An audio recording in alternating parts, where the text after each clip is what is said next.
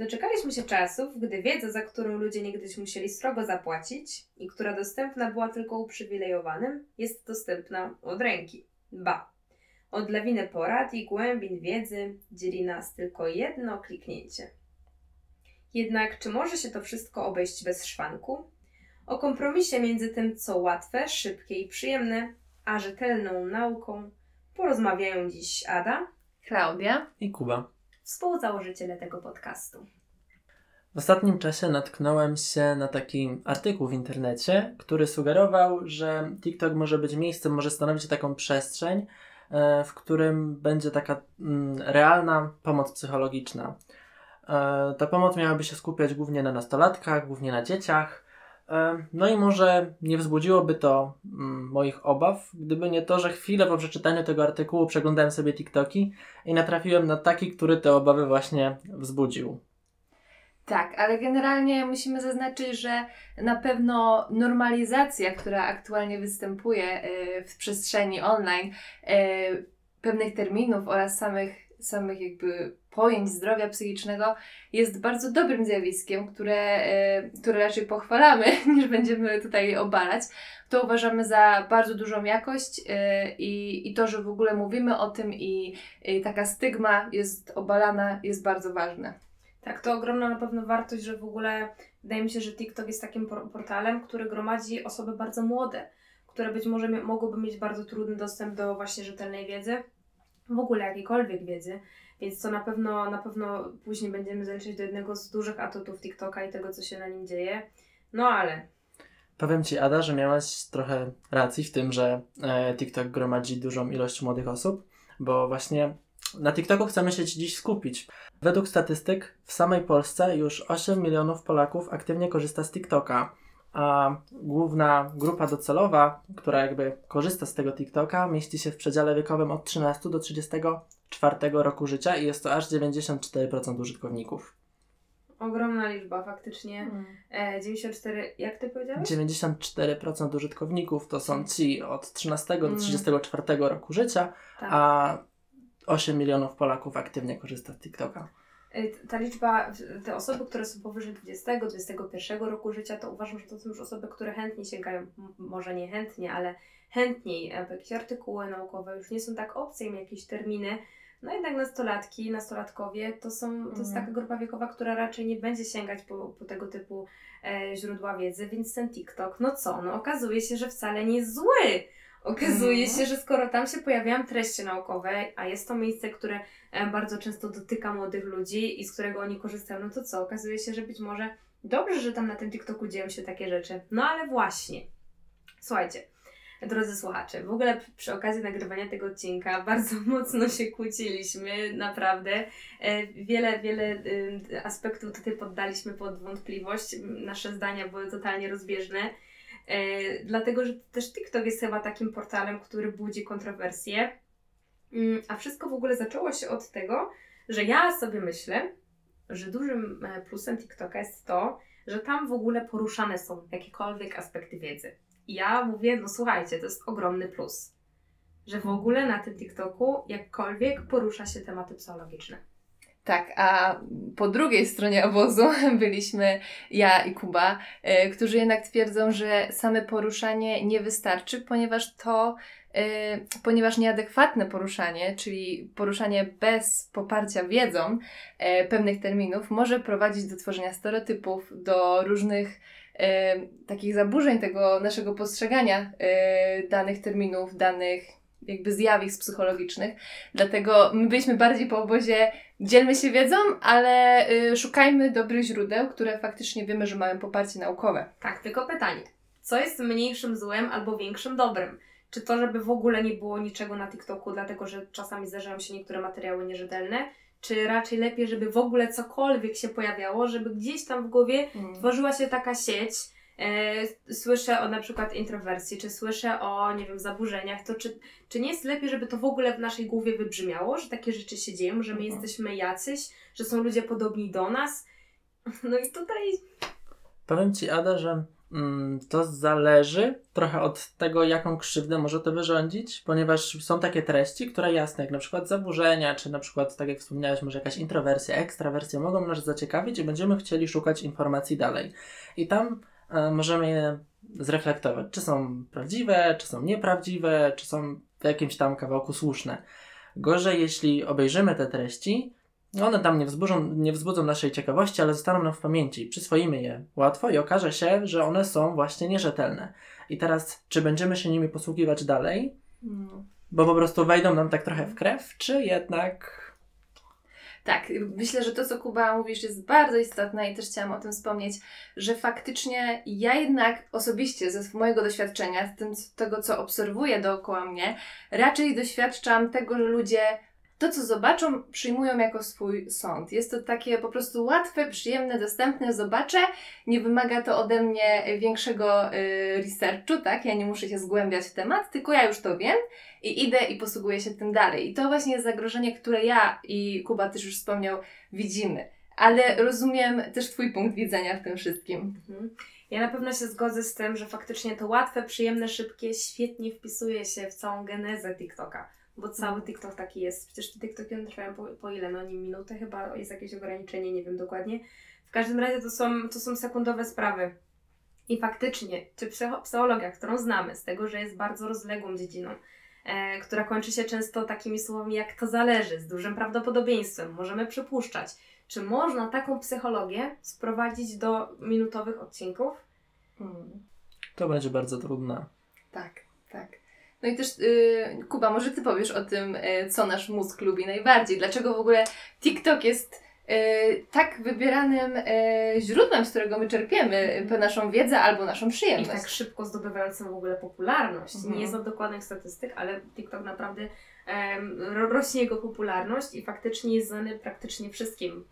E, I to pokoleniu młodszym od naszego i starszym nawet. Tak jak mówiliśmy już tam gdzieś się między naszymi słowami przewinęło, że na TikToku jest dużo treści, są one łatwo dostępne i możemy szybko do nich dotrzeć. To to jest właśnie to wszystko, co lubi nasz mózg. Em, ogólnie rzecz biorąc, nasz mózg zużywa bardzo dużo energii no, w porównaniu jakby do reszty naszego ciała, ale jest to łatwo wytłumaczalne, ponieważ jeżeli uświadomimy sobie wszystkie procesy, które zachodzą w naszym mózgu, czyli właśnie myślenie, czyli nie wiem, dokonywanie tam jakichś decyzji odnośnie na przykład ruchów, sama motoryka, czy mm, nie wiem, spostrzeganie, odbieranie bodźców, to wszystko potrzebuje właśnie tego zużywania energii. Dlatego nasz mózg lubi chodzić na takie przysłowiowe skróty i o tym wszystkim mówi oszczędność poznawcza i na przykład takim, taką jedną z koncepcji jest koncepcja kąpca poznawczego i jest to mechanizm, który selekcjonuje informacje, które, które do nas docierają em, który te informacje trochę odsiewa, dzięki czemu jakby my jako ludzie często korzystamy właśnie z takich procesów automatycznych, stereotypów, em, heurystyk, czyli uproszczeń. Em, to rodzi oczywiście pewnego rodzaju niebezpieczeństwa, ale no jest nam też niezbędne. No nie wyobrażam sobie mm, takiego, takiej sytuacji, w której analizujemy wszystko, co do nas dociera, czyli na przykład każdą mimikę innej Mhm, osoby, mhm. czy Tak, tak, ja się z Tobą totalnie zgadzam. E, faktycznie jest to tak, że być może te procesy automatyczne, to przetwarzanie automatyczne, to, że tak szybko czasami analizujemy coś e, bez namysłu, jest nam potrzebne. Tylko czy akurat psychologia jest taką dziedziną, na którą możemy sobie pozwolić na, takie na taką automatyczność, nie na to takie bezrefleksyjne przyjmowanie jakichś prawd. Na pewno, z czym się mogę zgodzić, to to, że, że TikTok gromadzi bardzo często mm, w obrębie jakiegoś konkretnego tematu osoby, które w jakiś sposób są mm, albo dotknięte są podobnymi problemami. Mm, Że TikTok jest na pewno takim miejscem, gdzie możemy łatwo Mhm. znaleźć osoby, które przeżywają podobnie świat, czy mają podobne doświadczenia do tych naszych. I o wiele łatwiej jest nam się oswoić z tym, co przeżyliśmy, albo z tym, co aktualnie przeżywamy, wiedząc, że ktoś ma podobnie. Że tak naprawdę to, że ja śpię do 12, e, to jest być może normalne, jeżeli później jestem w stanie pracować do, do 9, bo też mają tak inni. To, że ja na przykład mm, nie potrafię sobie poradzić w, w relacji z mamą, się z nią często kłócę i ktoś inny się z nią kłóci i by- być może to jest tak, że, że jakieś podobne mechanizmy tu zachodzą i my jesteśmy do innych ludzi po prostu podobni. E, I Mhm. łatwiej jest nam mm, siebie samych zaakceptować, nie? Tak, i na pewno zostając e, przy plusach e, samego zjawiska, e, jaki, o jakim mówimy, e, czyli po prostu szerzenia się normalizacji terminów związanych ze zdrowiem psychicznym w przestrzeni internetowej, e, na pewno to, co mówisz, jest ważne, że e, potrzebujemy czu- nie czuć się sami w tym, co przeżywamy. W, jednym w jednym z artykułów natknęłam się na fajną taką stronkę, Później ja też ją zobaczyłam. Jest taka stronka Patients Like Me. Ona jest ogólnie po angielsku, ale na pewno jest to. E, powstało to stricte e, po to, aby ludzie z pewnymi zaburzeniami, e, zaburzeniami psychicznymi e, mogli dzielić się swoimi przeżyciami, e, znaleźć jakiś, jakąś taką społeczność swoją, żeby było im łatwiej po prostu w tym całym, e, w tym całym procesie. I też. Ada, chcesz coś dodać? Ja chciałam dodać na pewno, że być może to jest e, lepsza, lepsza opcja niż sam TikTok. Że łatwiej chyba jest się solidaryzować z ludźmi em, na czymś takim, o czym Ty mówisz, niż na TikToku, który jest bardzo szybki. Mm, Nie jestem pewna, czy, czy na TikToku aż tak bardzo mamy miejsce na tą solidaryzację. Wiem, że na pewno takie grupy e, powstają i wiem, że ludzie często oglądając kogoś i słysząc, piszą już, już Mhm. nie na samym TikToku, czy, czy tylko na przykład na, na Messengerze, nie? Szukają tych osób i, i szukam po to, żeby się spotkać, żeby pogadać, żeby usłyszeć, jak to z ich perspektywy wygląda i dlatego właśnie myślę, że ten, e, tę stronę, tak? To jest Mhm, strona. Tak, tak. Być może jest o tyle lepsza, mm, że jest do tego stworzona. Dokładnie. Jest dedykowana Mhm. po prostu e, do tego, żeby właśnie tworzyć taką społeczność. Tak jak wiemy, dużo naszego życia aktualnie przenosi się do, do przestrzeni internetowej, więc jest to na pewno plus, który zauważamy. E, jeśli jeszcze chodzi o ten wątek, to na pewno przeniesienie tego, pojawienie się tego tematu, tej normalizacji e, zdrowia psychicznego w przestrzeni internetowej dało nowe możliwości, jeśli chodzi o przeprowadzenie badań. To jest taka ciekawostka generalnie. Na pewno stworzyło to bazę ludzi, którzy doświadczają e, pewnych zaburzeń psychicznych i dzielą się tym w internecie, czy to na grupach takich jak Reddit, albo na Twitterze i to daje możliwość badaczom do analizowania tej, ich aktywności w sieci. W artykule, który ja znalazłam, była mowa o języku. E, Co pozwoliło badaczom, ponieważ te osoby wypowiadają się publicznie, pozwoliło to badaczom e, stwierdzić osoby ze zdiagnozowaną depresją, e, odróżnić osoby, które koniec końców samobójstwa popełniają, a od osób, które tego samobójstwa nie popełniają, czyli czym będzie różnić się ich język. Są to bardzo takie ważne odkrycia, jeśli chodzi o, e, o zaburzenia i to nam daje, e, jest to bardzo użyteczne później, bo nam daje te takie e, sygnały alarmowe, jakim językiem może posługiwać się osoba, która myśli o popełnieniu samobójstwa. No właśnie, przestrzeń inter- internetowa, dobrze to nazwałaś, i w ogóle jest niemałą przestrzenią. I okazuje się, że dlatego, że właśnie tworzy na niej tak wiele różnych osób i tak wiele informacji do nas dopływa, gdzieś mogą gubić się te rzetelne. Słuchajcie, właśnie TikTok jest takim miejscem, gdzie bardzo często powielają się różne mity, gdzie tak naprawdę wiele osób, wielu osobom zależy tylko na zdobyciu popularności, nagrywaniem nawet na temat zdrowia psychicznego, a nie na tym, żeby tworzyć rzetelne treści. Czyli, że te osoby wcale nie dążą do tego, żeby ktoś, jakiś Kowalski, e, dowiedział się, że jest coś takiego jak zdrowie psychiczne, jak sobie z nim radzić, tylko po to, żeby zdobyć zasięgi, żeby mm, Mhm. na czymś się wybić. I tu jest to niebezpieczeństwo. Że dobrze jest, o tym jeszcze będziemy później mówić, ale dobrze jest sprawdzać te osoby, które słuchamy, czy to w ogóle są osoby, które e, znają się na ten temat, na który mówią, czy one mają podstawę co do tego, żeby komukolwiek e, wskazywać drogę. Mm, no, to by było tak, to, to co chciałam wam Mhm. przekazać. Tak, i wydaje mi się, że jeszcze, żeby to wybrzmiało w momencie, kiedy jesteśmy przy minusach, e, że faktycznie to są tematy potraktowane powierzchownie. My co mamy nawet zapisane, e, że chcieliśmy to poruszyć. Troszkę już o tym mówiliśmy, ale właśnie, czy wiedzę psychologiczną, która jest bardzo szeroka w różnych dziedzinach, dziedzinach da się sprowadzić do minutowego filmiku, który powie Mhm. Ci bardzo szczątkowe informacje na temat danego zjawiska. No my to wiemy, ale czy wie to użytkownik, nie? Mhm. Że to, co on słyszy w minutowym odcinku, to tak naprawdę nie jest wyczerpana wiedza, tylko to jest jakieś zjawisko obszerne, na które napisano już miliony artykułów i, i przeprowadzono tysiące badań. Mm. Miejmy nadzieję, że już wie.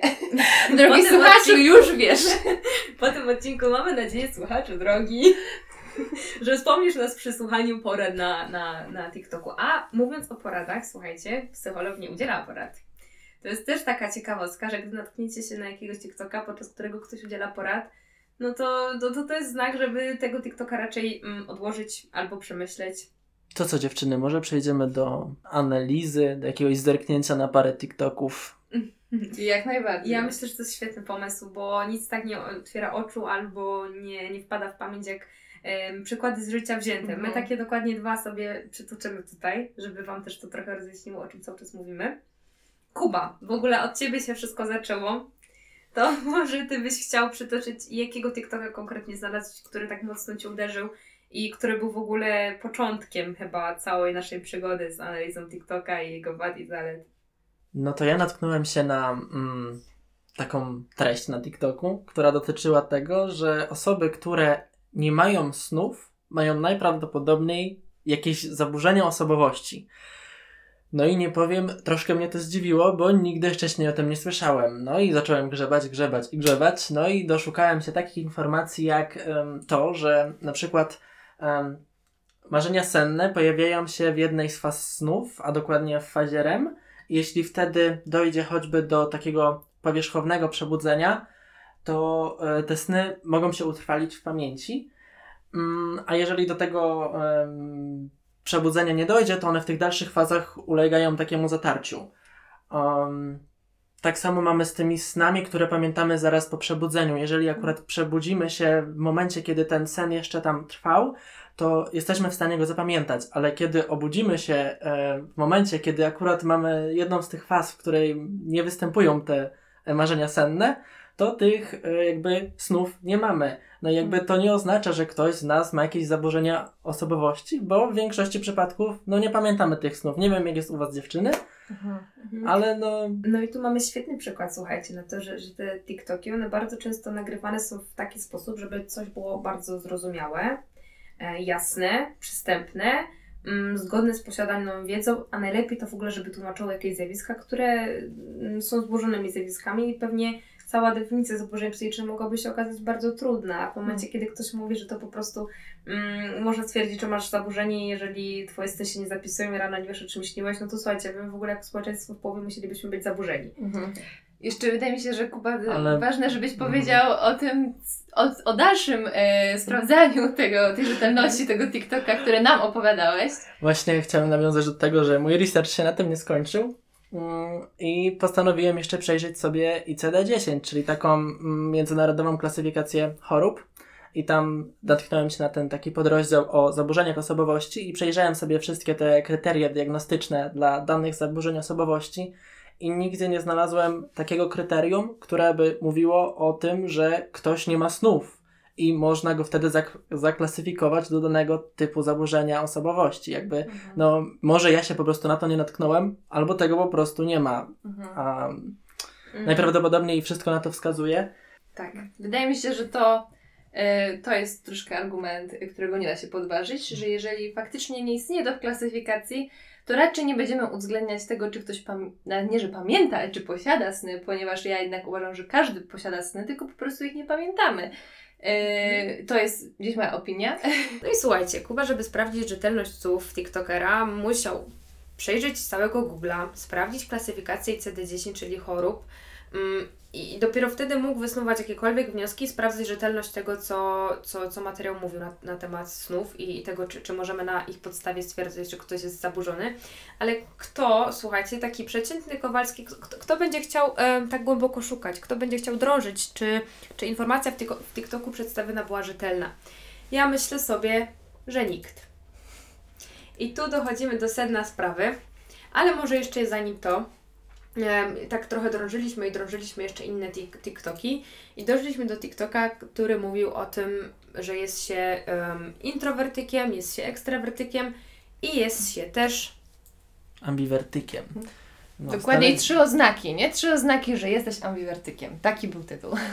Kim jest w ogóle ambiwa- ambiwertyk? To jest w ogóle ważne chyba, żebyśmy to podkreślili. Ambiwertyk to jest osoba, która plasuje się gdzieś na środku skali między introwersją ekstrawersją. Introwersja to po prostu takie, taka, mm, taka cecha, która mówi o tym, że człowiek raczej preferuje swoje towarzystwo lub takiej małej liczby osób, świetnie się czuje w tym swoim towarzystwie, a ekstrawersja to raczej preferowanie dużej ilości osób wokół siebie, tłumu, e, sytuacje takie publiczne nie są w żaden sposób stresujące. No a więc ambiwertyk to jest osoba gdzieś tam mniej więcej na środku tej skali między jednym krańcem a drugim. No i słuchajcie, teraz przychodzi gość i mówi, no daję Ci trzy sposoby, żebyś sprawdził, czy jesteś tym ambiwertykiem.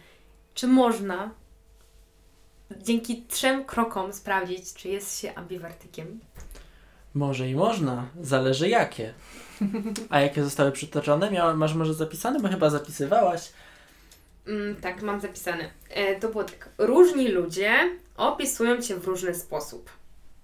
Może I- zatrzymajmy się na tym na chwilę. No, świetny pomysł.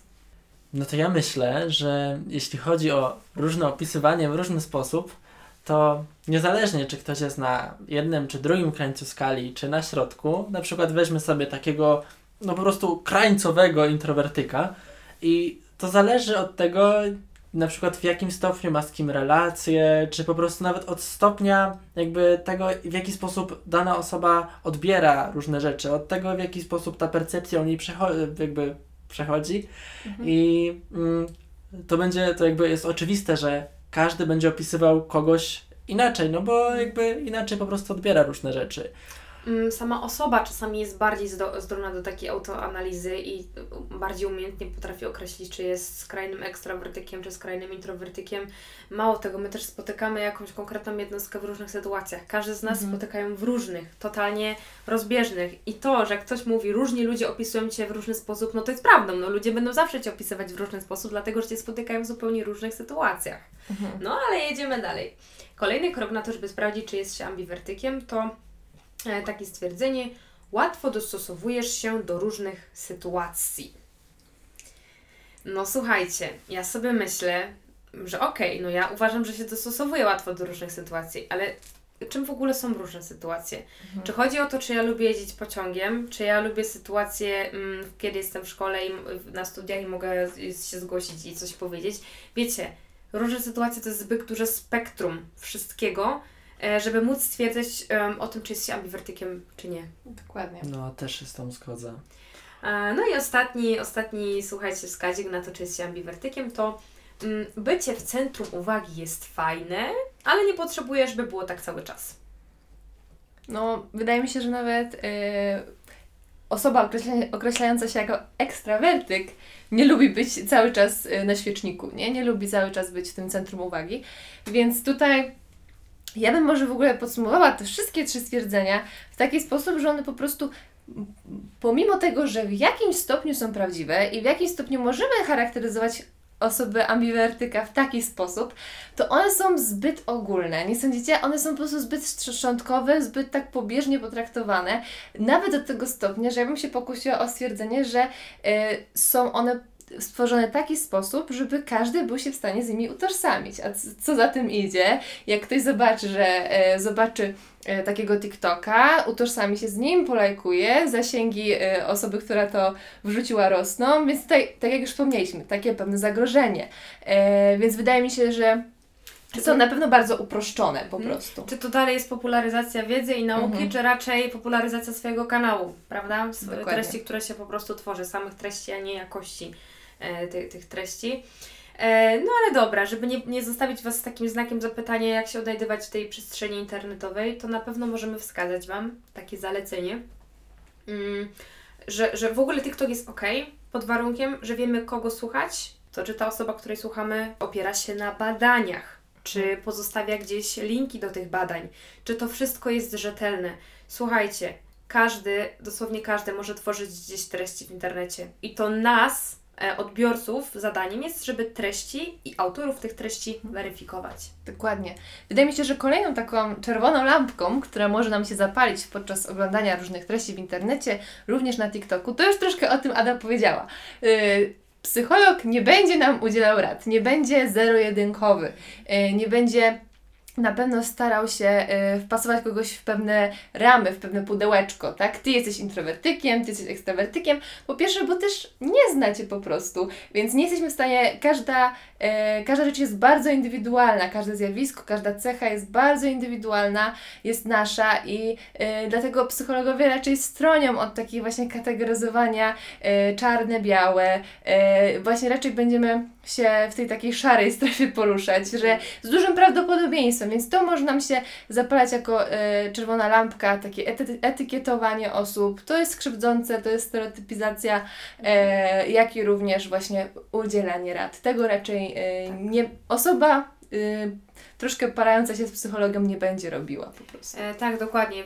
Na TikToku nie usłyszymy gotowców, jak sobie poradzić z jakimś kryzysem, czy, czy na pewno e, żaden TikToker nam nie, nie rozwiąże dzięki trzem pytaniom, dzięki trzem odpowiedziom mm, tego, czy jesteśmy pytania w głowie takiego pojawiającego się, czy jestem ambiwertykiem, czy jestem ekstrawertykiem, czy introwertykiem, bo na to są całe testy osobowości. Mm, I na pewno jeszcze taka mała podpowiedź, albo może to jest taki całkiem jasne, w sumie tak sobie teraz myślę, ale warto, żeby to by wybrzmiało, że jeżeli mamy jakieś źródło, z którego już wcześniej korzystaliśmy, z którego informacje, informacje, które z, z tego źródła pobieraliśmy czy czerpaliśmy, e, są w jakikolwiek sposób potwierdzone. Później szukaliśmy i faktycznie się coś, się coś zjawiło, coś się utwierdziło w badaniach czy w życiu naszym codziennym, no to być może są to osoby, z których mm, wiedzy warto, żebyśmy czerpali. Mm, no i co? Myślę, że warto wspomnieć, że na naszym profilu na Facebooku i na Instagramie, które znajdziecie pod nazwą Uświadom sobie, przygotowaliśmy dla Was post, e, w którym zawarliśmy profile, z których korzystamy na co dzień, które są naszym zdaniem godne polecenia i z których możecie czerpać rzetelną wiedzę. Więc e, zapraszam, zerknijcie sobie. Mm, tak, dokładnie, do tego jeszcze będziemy Was zachęcać. Myślę, że warto z, z takich poleceń nas, studentów, ale jednak psychologii e, czerpać. My bardzo Wam dziękujemy za to, że byliście dzisiaj z nami, że odsłuchaliście naszych dwóch słów na temat TikToka i, i w ogóle chyba całego wywodu, a nie dwóch słów. E, Cieszę się, że jesteście. Zapraszamy Was na naszego Facebooka, na Instagrama. Tam dalej będziemy dzielić się wiedzą i szerzyć, i szerzyć jak najbardziej, tylko się da rzetelne informacje. E, Dla Was dziś byli tutaj Klaudia? Kuba? i Ada. Do usłyszenia.